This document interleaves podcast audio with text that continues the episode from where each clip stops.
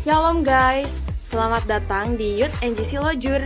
Sesaat lagi, kamu akan mendengarkan kebenaran firman Tuhan melalui podcast. Kiranya Tuhan memberikan kita hikmat untuk mengerti dan mempraktekkan kebenaran firman Tuhan yang dibagikan. Selamat mendengarkan ya, dan Tuhan Yesus memberkati. Shalom. Shalom, anak-anakku semua yang dikasih Tuhan.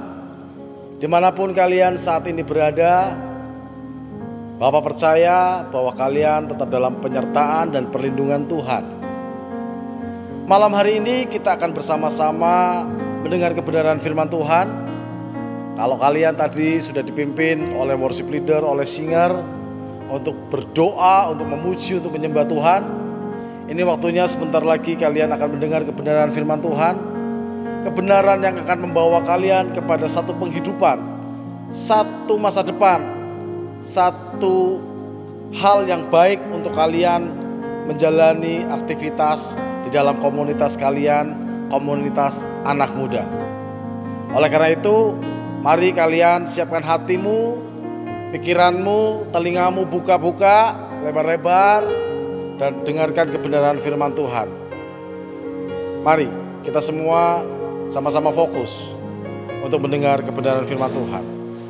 Firman Tuhan yang terambil pada malam hari ini kita akan baca bersama-sama dari Amsal. Mari kalian siapkan terlebih dahulu Alkitab kalian. Setelah itu buka di dalam Amsal pasal yang ke-13 ayat yang ke-20. Pam Amsal 13 ayat yang ke-20. Demikian firman Tuhan. Kita baca bersama-sama ya. Siapa bergaul dengan orang bijak menjadi bijak, tetapi siapa berteman dengan orang bebal menjadi malang. Firman Tuhan malam hari ini mengingatkan kalian sebagai anak-anak muda di dalam membangun satu hubungan, membangun satu pertemanan dengan teman-teman kalian. Jadi dikatakan siapa bergaul dengan orang bijak menjadi bijak. Siap, tetapi siapa berteman dengan orang bebal menjadi malang. Oleh karena itu, perhatikan bagaimana kalian berteman, bagaimana kalian bergaul dengan komunitas kalian. Mari kita akan lebih dalam lagi untuk mempelajari, untuk merenungkan kebenaran firman Tuhan ini. Anak-anakku semuanya, ada satu ungkapan yang mengatakan dengan siapa kita bergaul, demikianlah kita jadinya. Ungkapan ini mengingatkan untuk supaya kalian berhati-hati di dalam bergaul. Dengan siapa kalian berteman, dengan siapa kalian bergaul, di situlah kalian akan menjadi seseorang. Kalian bergaul dengan orang-orang yang sabar, kalian juga akan menjadi sabar.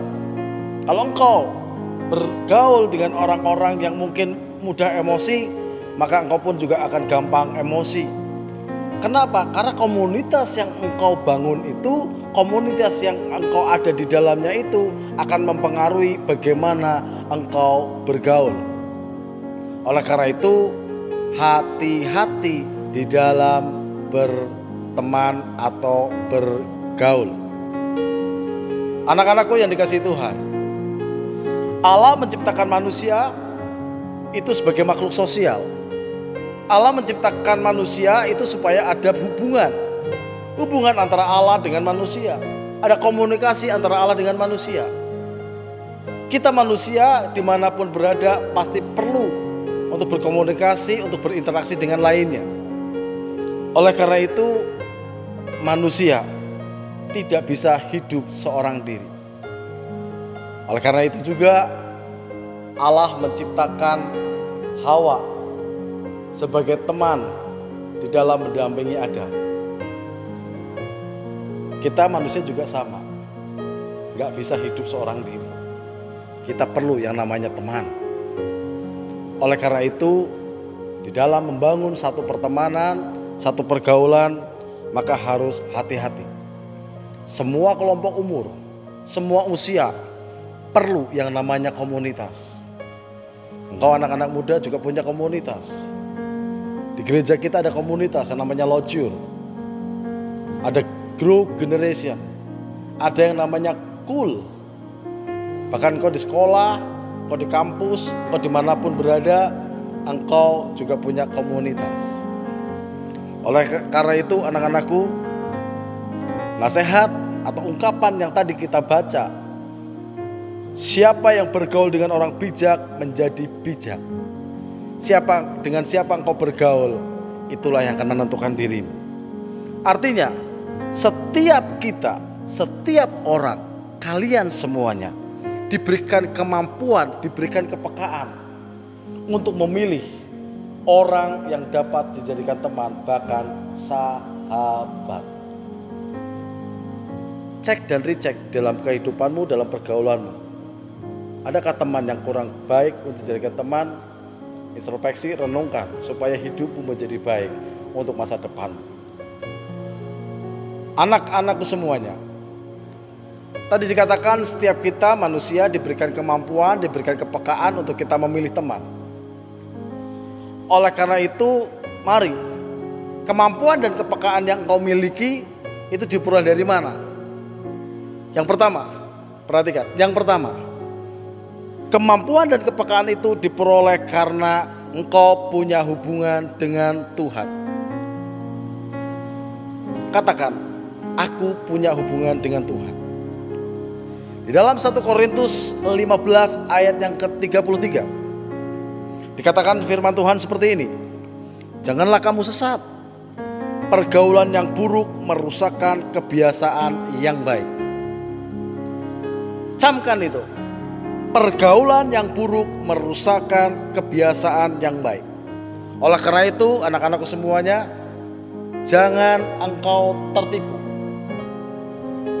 Hati-hati, jangan engkau tertipu. Anak muda sering jatuh dalam hal ini. Seolah-olah mau membantu teman, seolah-olah mau menolong. Kau sedang ada masalah, kau sedang ada pergumulan di sekolahmu, kau sedang punya masalah dengan teman, di keluarga mungkin sedang ada masalah. Kemudian kalian bercerita dengan temanmu dan temanmu punya maksud yang tidak baik kemudian seolah-olah membantu, seolah-olah menolong. Padahal ada maksud tertentu untuk ke, di kemudian harinya. Ada banyak anak-anak muda yang seperti ini.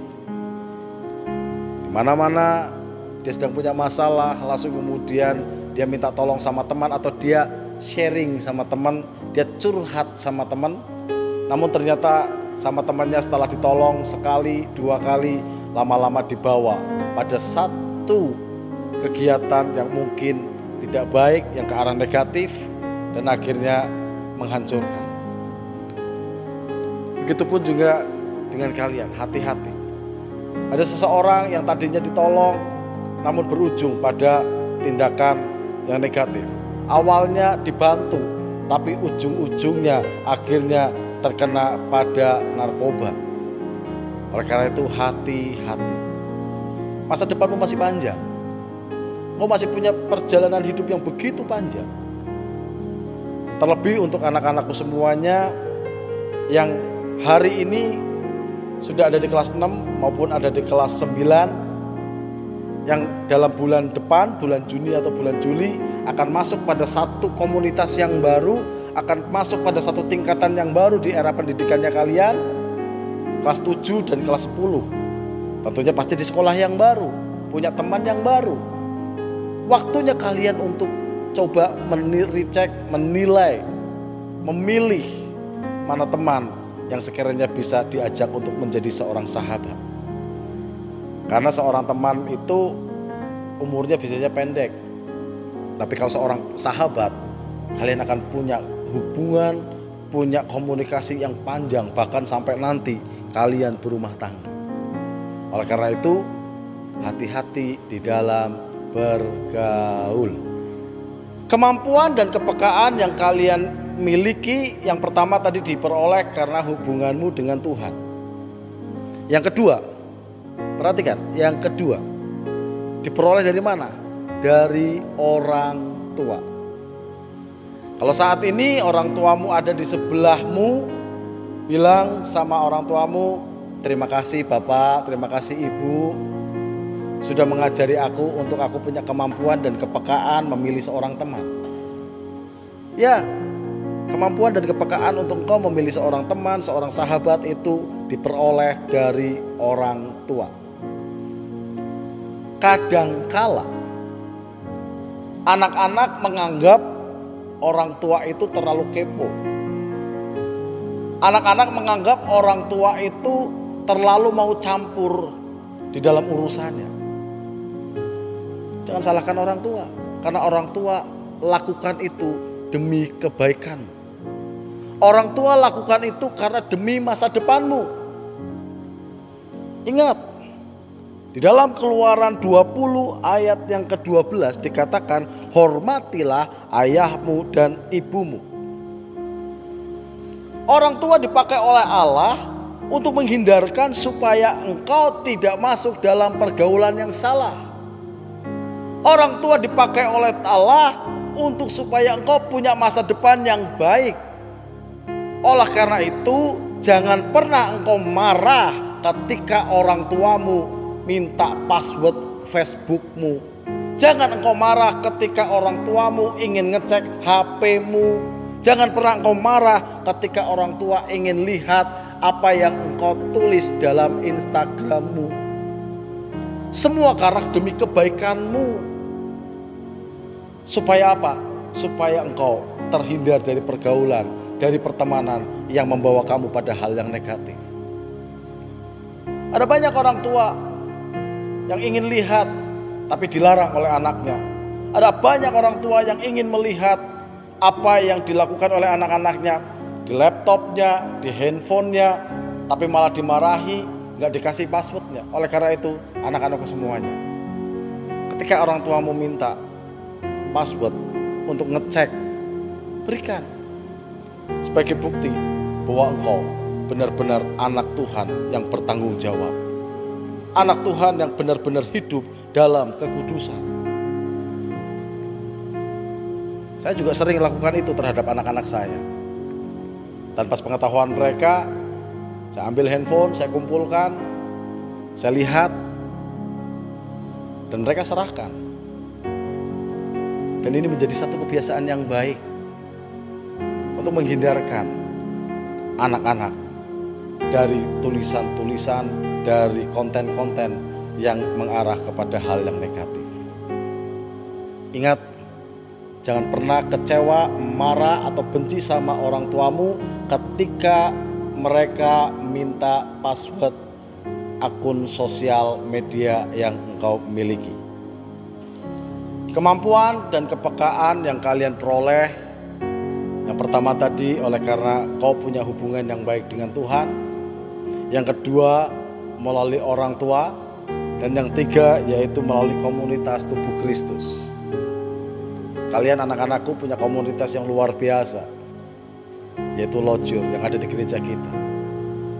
Bagaimana mereka punya program yang luar biasa, ada kul, bahkan kulnya pun juga dipisahkan antara pria dengan wanita supaya dalam pembahasan itu bisa boleh uh, menjadi uh, matang, menjadi maksimal karena dipisahkan untuk yang pria dan wanita sendiri. Oleh karena itu, siapa di antara kalian yang belum datang kul di lojur? Siapa di antara kalian yang waktu bulan-bulan lalu datang dalam ibadah youth setiap hari Sabtu? Ya, mungkin ada sebagian dari kalian mengangkat tangan, saya Pak. Mungkin ada di antara sebagian yang berkata, ya saya belum. Baru saya mengerti, ternyata ibadah itu penting. Karena kita melalui online seperti ini. Tapi pastikan ketika nanti kita boleh bisa beribadah kembali di gereja.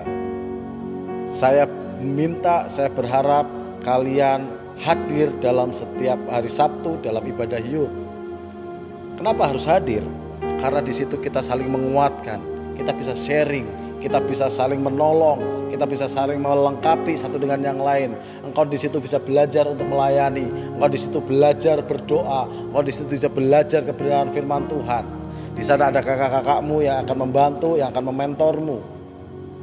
Kenapa dikatakan seperti itu? Mari kita buka dalam Ibrani 10 ayat 25. Di dalam ayat itu dikatakan janganlah kita menjauhkan diri dari pertemuan-pertemuan ibadah kita seperti dibiasakan oleh beberapa orang, tetapi marilah kita saling menasehati dan semakin giat melakukannya menjelang hari Tuhan yang mendekat. Selama ini engkau punya masalah di kelasmu, di dalam komunitasmu, engkau cerita kepada temanmu yang akhirnya mereka nggak bisa memberikan jalan keluar, dan kau akhirnya frustasi, kau akhirnya kecewa, kau akhirnya sakit hati, kau akhirnya mau nimpan masalahmu sendiri. Tapi ketika engkau punya masalah dan kau datang ke gereja, engkau, ketika engkau punya masalah dan engkau datang kepada mentor, pada kakak-kakak yang ada di gereja, engkau akan didoakan, engkau akan dibantu, engkau akan ditolong untuk memberikan jalan keluar.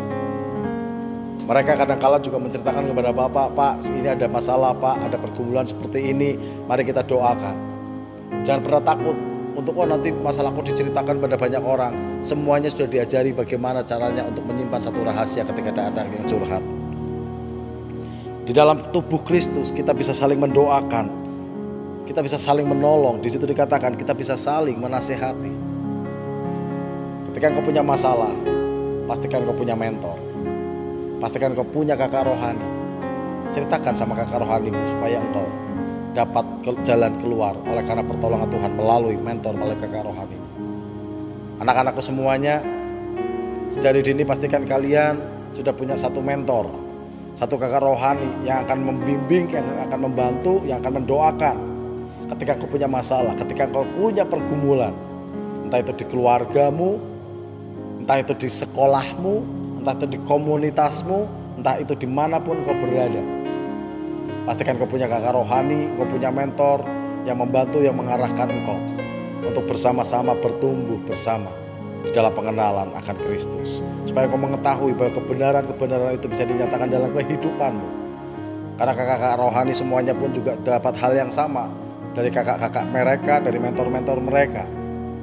Dan mereka pun juga mendapat hal yang sama, di mana Bapak juga mementor mereka, mau nasihati mereka, dan mereka juga salurkan, bagikan, mereka juga impartasikan kepada kalian. Sehingga semuanya kita dapat menjadi penuai berkarakter murid. Sehingga engkau menjadi anak-anak muda yang siap menuai, anak-anak muda yang siap menginjil, anak-anak muda yang siap menjadi berkat, anak-anak muda yang siap menjadi teladan bagi kebenaran firman Tuhan, bagi anak-anak muda, bagi generasimu, di mana pun kau berada, yang mau katakan amin. Karena ini waktunya engkau bertumbuh, ini waktunya engkau memulai. Dari mana? Dari dirimu sendiri.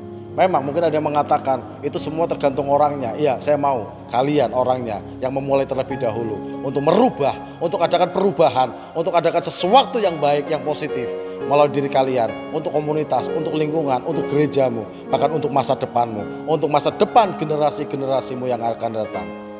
Yang percaya katakan amin. Sebagai bagian akhir dari renungan kebenaran firman Tuhan pada malam hari ini, ada dua hal yang menjadi alat untuk kalian mengintrospeksi diri kalian. Ada dua pertanyaan yang perlu kalian renungkan. Catat baik-baik. Kalau perlu nanti pertanyaan ini diulang kembali supaya kalian catat untuk renungkan, doakan dan kalian lakukan. Yang pertama, bagaimana kualitas pergaulan yang kalian lakukan, yang kalian alami saat ini? Bagaimana kualitasnya? Kalian sendiri yang mengerti, kalian sendiri yang bisa menentukan. Biar pertanyaan ini membantu mengarahkan supaya kalian punya perenungan yang baik. Bagaimana kualitas pergaulan kalian saat ini. Yang kedua yang menjadi bahan refleksi diri kalian, menjadi bahan perenungan kalian, apakah saat ini saya berada di tengah-tengah pergaulan yang membuat saya bertumbuh kepada Kristus atau sebaliknya. Bapak nggak ngerti teman-teman semua juga nggak ngerti, yang ngerti siapa? Kalian. Bagaimana kalian pergaulannya saat ini? Apakah ada di tengah-tengah pergaulan yang membuat kalian bertumbuh atau sebaliknya?